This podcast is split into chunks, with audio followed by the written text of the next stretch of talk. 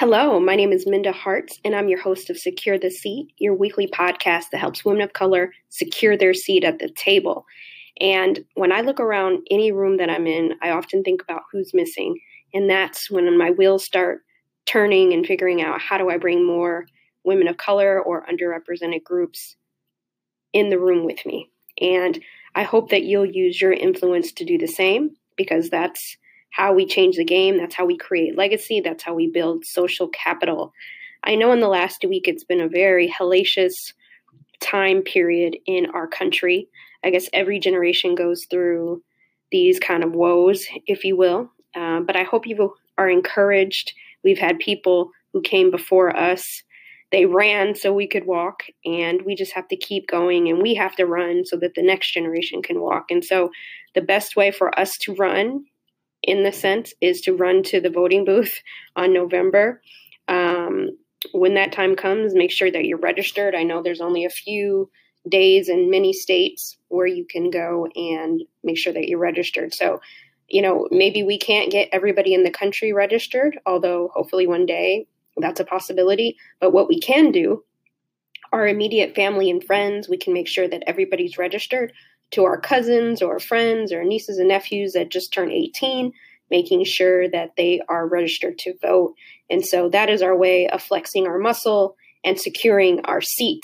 There are many ways to secure the seat, and voting is one of them, making sure that we're putting people in a position to represent us and our values. So I would encourage you to make sure that you vote because um, that old adage of our vote doesn't matter, I hope you know by now that it truly does, especially on the local level. We have the power, we have the capacity to put the right people in those seats. So let's make sure that we do that.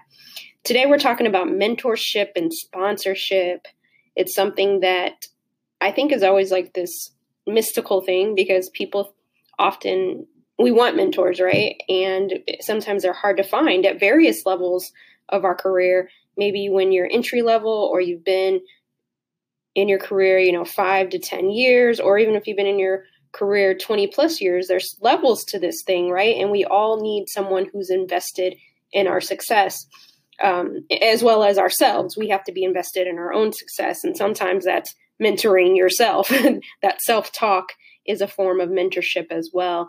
And as I think about what it means to be a mentor, what it means to sponsor someone, I take it a step further. What does it mean to truly invest in someone's success from start to finish? Because I know in my life, I have very, I have a lot of mentors uh, that give me advice for different things along the way, but you know, they're not always around for everything. And sometimes some of them I only talk to maybe once or twice a year. Um, and so we just don't have the ongoing conversations, right? But what would it look like for someone to say, Hey, Minda, I see where you are in your business right now. I'm here for the long haul, right? I want to see you at this phase and I want and when it gets hard in the middle, I'm here to guide you here and when you need X, I'm here to the finish line to get you where you need to go. And on the flip side, me paying that forward to somebody else, you know, I have mentees as well. So what does it look like for me to invest, let's say if I had 10 mentees and I say, you know what, I'm invested in these 10 from start to finish, and that could be with my time, my resources, connections, whatever have you, advice, whatever resources means to you to really help them move forward. But if I'm giving advice to like 100 people at a time and it's not really moving them in the direction that they want, I don't know that that's a true investment. And I think we have to start to shift our mindset to not just these one or two time occurrences, which those are great. Hey, don't get me wrong. We all need a leg up and we need those opportunities, but thinking it through, um, really getting a return on your investment and, and putting some skin in the game. And I think it's better to have a few people that you're truly invested in than to just be doling out advice to uh, thousands of people and never really helping them get where they need to go. So when you think about mentorship and when you think about who you want to mentor you, think about the investment part of it. Ask someone to partner with you on the journey to success. Uh, just recently, I reached out to this gentleman that um, I do not know, and he's really he's young. He was you might try to reach out to him too, and I don't want to put his name out there. I'm going to be selfish on this. He has not responded to me, but uh, I'm just very much a fan of his work. He's young. He was a dean of a university. He sits on several boards. He's a, a black man, and I reached out to him because I want to get 15 minutes of his time. I am on a similar trajectory, and I'd love to know how he has done it. Now, that relationship, I had to make a cold email. Uh, we don't know each other, and I don't know necessarily anybody that I know that knows him. It's not that's not apparent, right? But I want to know if he wants to share the sauce in a sense. I did not email him and ask him, "Can I pick your brain?" I was specific about what I my intentions were. Um, not pushy by any stretch of the imagination because that's not my personality, but letting him know I value his time, but could I get 15 minutes because your career trajectory is similar to the path that I'm on and I want to know if there's anything that you can add to the path that I should be thinking about, any skills that I should be leveling up in.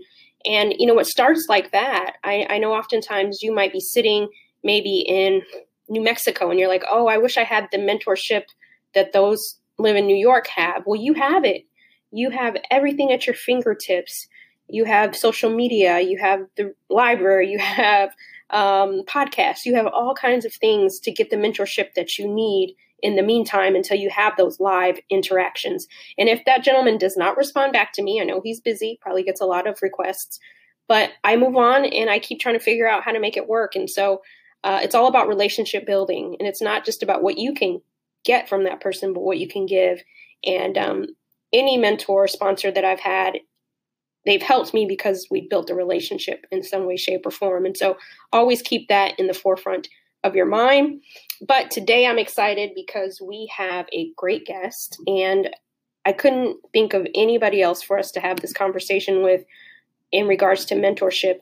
And our guest today is Britt Fitzpatrick. She's a tech entrepreneur and ecosystem builder. Uh, in 2013, she founded Helm, formerly Mentor Me, and she's also the program manager for Hillman Accelerator, the Midwest's first accelerator for tech companies led by underrepresented founders. She's great. Um, we talk a little bit about peer mentors, and I consider Britt a peer mentor of mine. And I know that you're going to love the conversation about mentorship. Without further ado, here we go.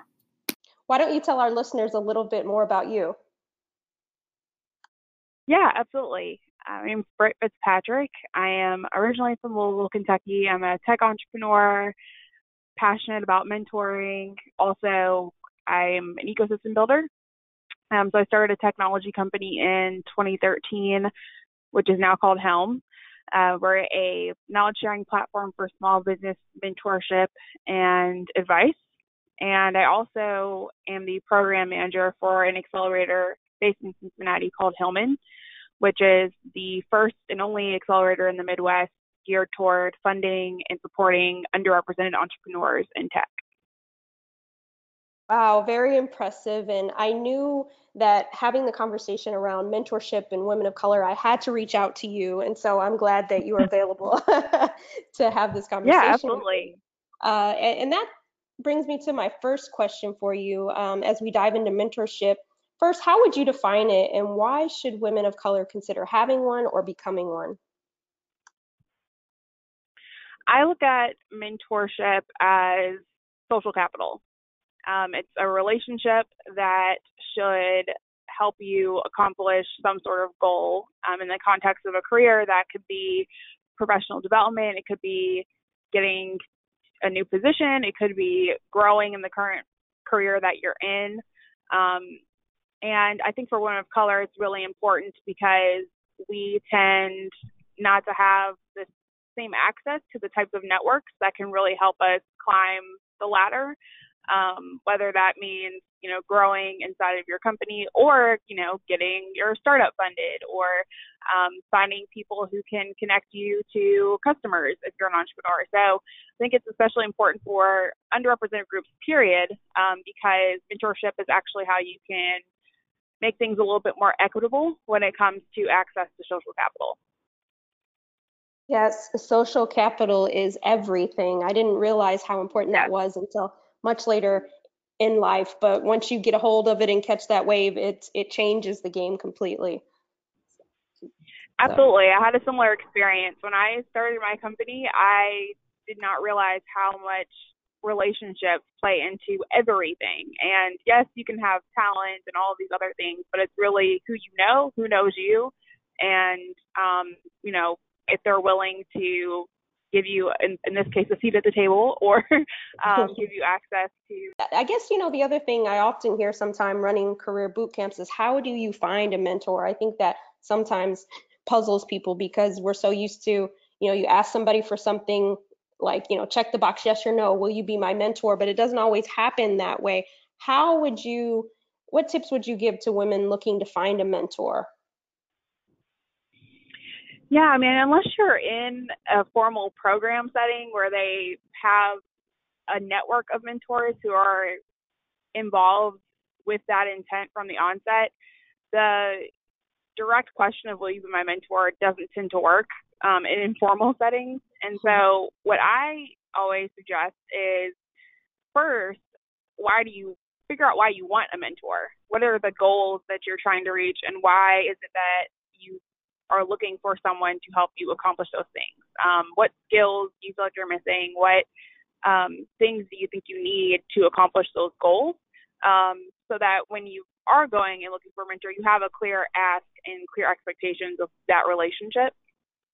And the second thing is instead of starting off right away with the will you be my mentor question, just invite that person for lunch or for coffee um, and get to know them. It mentorship is a relationship. And so it takes time to get to know someone and for them to get to know you. Um, and that relationship in an informal setting should really be something that evolves and happens naturally. It shouldn't be a forced thing. There should be buy in from both people. And then, second, uh, or not secondly, I guess thirdly, um, think about what you can provide to that person.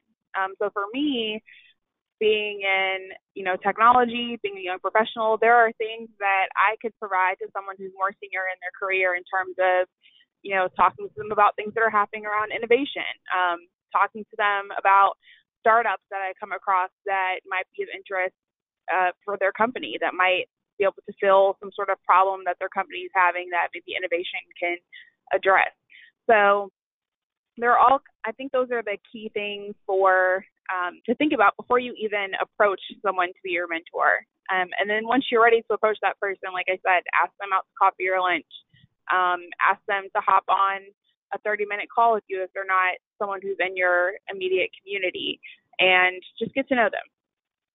I'm glad you you mentioned that because it goes back to that social capital relationship building. And I think back of people who I would call mentors we it's very rare that we've ever had like this uh, formal will you be my mentor and be your mentee it's just mm-hmm. that's the relationship and when i need them or they need something from me then we bounce ideas off one another i think sometimes we just get caught up in the the semantics of the word would you say I think so. I mean, mentor means different things to different people. It is very much dependent upon the context of you and that person. I have mentors who I speak to on a monthly basis. I have mentors I speak to maybe a couple times a year. Um, so it really just depends on the relationship that you have with that person and their expectations or availability a lot of times drives that. Um, and you just make it work based on the relationship that you have with the person. That's good. That's real good. Um, and I know you speak a lot about making um, mentoring relationships more productive and impactful. What are some ways that you've seen people mess up a good potential mentor mentee relationship? The thing that I hear from mentors, especially those who get asked a lot to uh, mentor people, is people fail to follow up. So they'll make their they'll make themselves available. They'll you know go for coffee or hop on a call, and then they don't hear back from the person. Um, and so always follow up even if you don't have something, especially in the beginning where you're trying to build the relationship, even if you don't have an immediate question of them, if there are articles that you find that they might like to read, if you see that they received an award or their company has reached some sort of milestone, reach out, congratulate them. Um, you know, there are all kinds of ways to really keep in touch with people during, you know, in between those times that you're actually meeting with them. The only time they hear from you should not be they shouldn't hear from you only when you need something from them. um, the other thing, like I said, is understand what your goals are these we're not doing can I pick your brain conversations in 2018. like those are over. Say it again for the people in the back. Together. like those are dead. Like we left those in 2017 and we're moving forward and having productive meetings and conversations with mentors. Um, so I think, you know, before every meeting, figure out what are my successes that I want to share, what are my top three challenges, and how do I think that this specific person can help me fill those? Like if you don't do anything else, if you do that before every mentoring conversation, you're already ahead of the game. Um, and also, what are when after the meeting, what were the outcomes and what are the next steps? And send those to the person. You know, more than likely there's going to be someone who's very busy. They have tons of conversations and tons of meetings, and so make their job easy help you and send them after the meeting a recap of what you talked about and what you need from them. Yeah, that, you dropped so many nuggets in there because I think, you know, one thing that I want to impress upon women listening and men uh, for our men listeners is the can I pr- pick your brain thing. You know, I, I know that yeah. it's it's hard to to let go of bad behavior, but you can be more productive. It's changing and changing your language. Um, so thank you for for mentioning that. And I know too, um, there's women out there right now who, you know, they can't find a mentor. They don't feel like the advice that they're getting is is helping, or they don't have access to good social capital. But I also, on the flip side, I've heard that women of color are being over mentored and under sponsored. I'd love to hear your thoughts mm-hmm. on on the two. I think that's a really great point and a great distinction. So this is something that I learned pretty early on. Um, when I started my company, I had people who want wanted to be a mentor. Um, when what I really needed in in my in your language is a sponsor, what I would call as an advisor, um, which is someone who's actually going to not just give me advice, but connect me to potential customers, um, make investor introductions, um, connect me to potential employees or um, folks who have other expertise that I might need that can help me improve my software. Um, relationships I didn't have access to. And I learned really early on that people are quick to sign up to give advice, but it's it is more challenging, I think, as a woman of color to find someone who will actually sponsor you. Um, what I my solution for that was that I had to sit down and create my expectations of what a, a sponsor looks like for me. Um, and I have there are a few folks because they've done those things that I mentioned um, that have a small percentage of equity in my company called advisory shares. Um, now, if you're you know in a corporate setting, you obviously don't have a cap table that you can put your, your sponsors or your mentors on. But that goes back to the things that I mentioned earlier about figuring out how you can um, provide value back to the people who are helping you. I think in a corporate setting, it's really important to look beyond your company, folks. Um, I also think that professional conferences, um, professional networks. I mean, you. I think when you're one of color, you got to pull all the stuff out of your bag. Mm-hmm. You know, mm-hmm. all the the resources that you have um, at your disposal, and it doesn't always. It's unfortunately, it's not always available within your immediate network. Um, I also think, you know, tech- technology provides much smaller degrees of separation. And so use LinkedIn, use Twitter, and, and find folks um, and try to connect with them. I know that the response rate on those is kind of hit or miss, but, you know, you never know unless you reach out, right? So mm-hmm. I think you just have to leverage and be creative um, about using all of the things that you have access to beyond what's around you. Yeah, that's great. And you know, something you said that stuck out to me, especially this week, is you mentioned, you know, the, the professional conferences and the networking groups. And I know um, this week and I think last week on social media, some black and brown women were talking about that, oh, you know, women empowerment conferences and brunches and this, that, and the other are dead and we shouldn't be going to these anymore. And I pushed back on that because that's for us, that's where we find our social capital. That's where we yeah. find the sponsors and the mentors. And yes, they can be not, you don't need to go to every single one that's put up on Eventbrite or to splash that, but get find the ones that are going to be beneficial that you think might be beneficial to you because we don't have the luxury, as you said, Britt, to just be willy-nilly about it. you know, we have to be active and intentional. No. Yeah.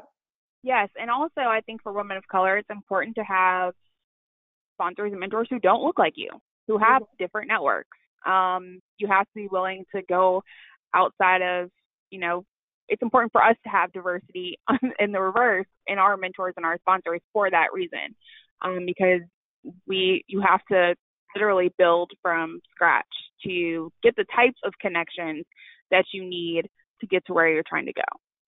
Yes. Pro tip: uh, diversity, even for us, is important too. I mean, in my corporate career, I didn't have, I didn't work with anyone that looked like me. So white men and women were my sponsors, were my advocates, and so um, it's nice to have a little bit of both. And also age-wise, you know, you can get real diverse. So yeah, for for mentioning that. And so that's crucial. Um, any last thoughts that you have that or misconceptions about mentorship?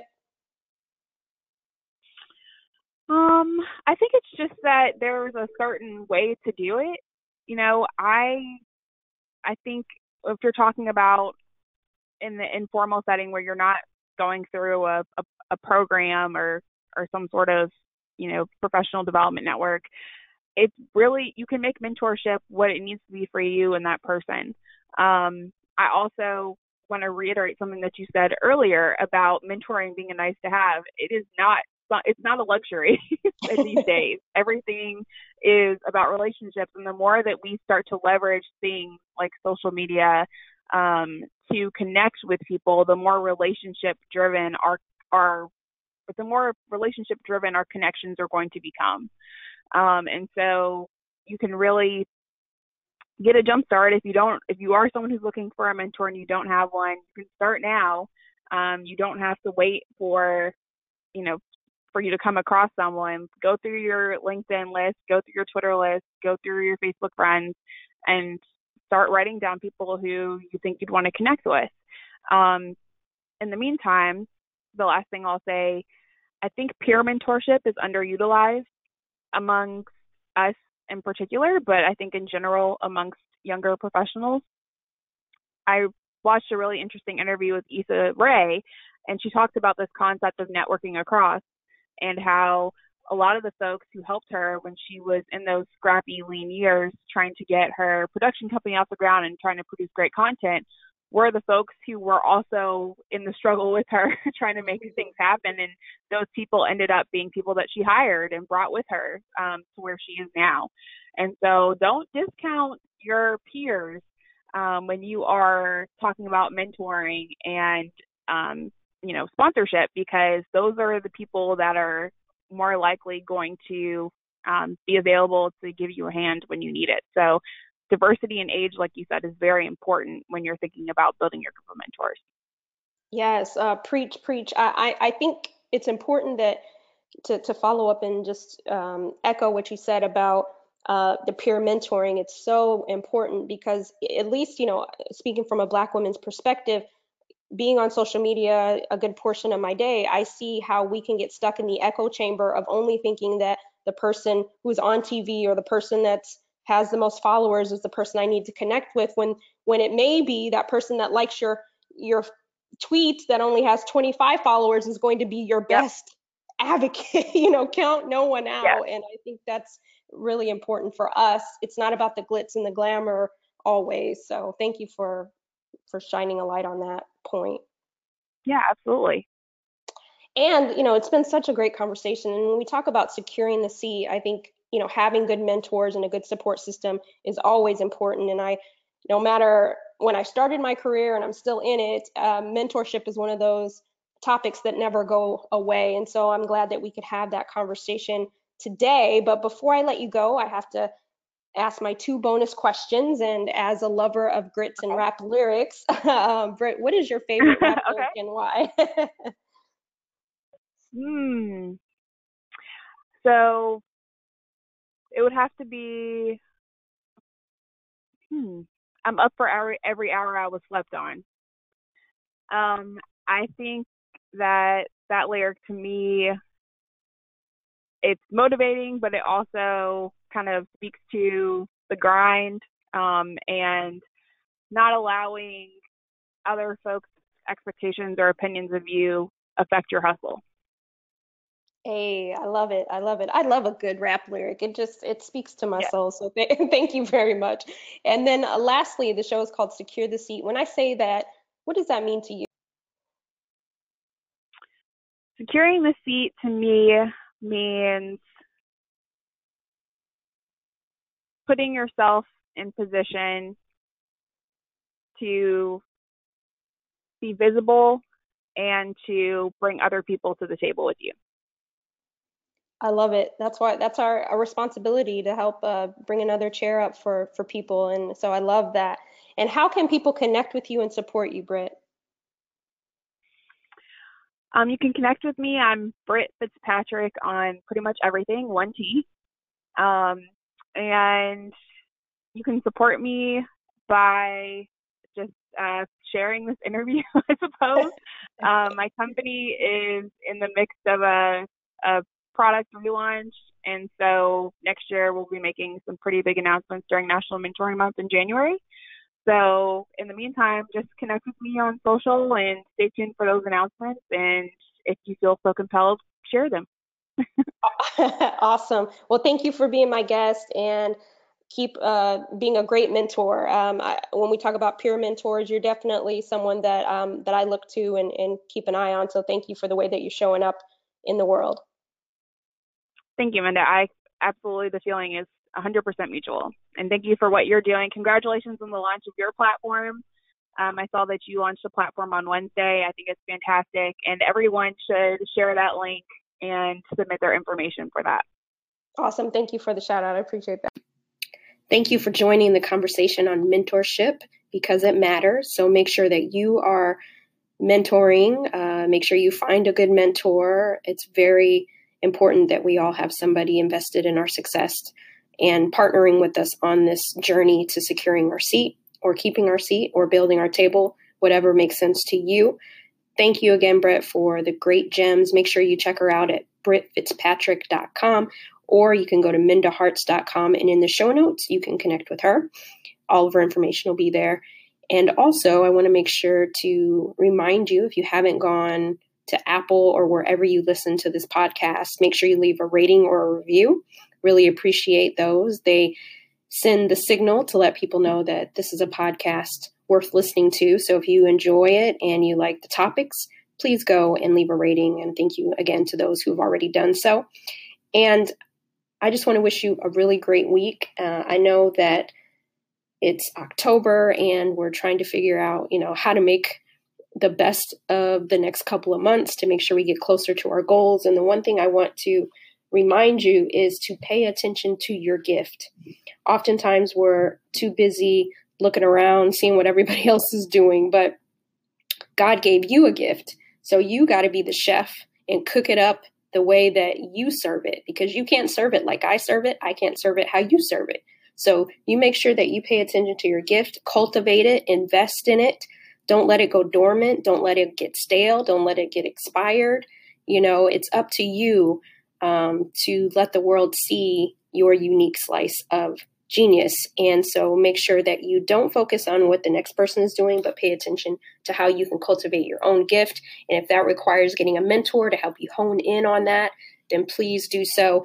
And use Secure the Seat podcast as a form of mentorship because there's so many great guests that we've had in season one and now in season two. So if you need a mentor, there are countless mentors that you can access on this podcast. And so we're rooting for your success. Have a great week.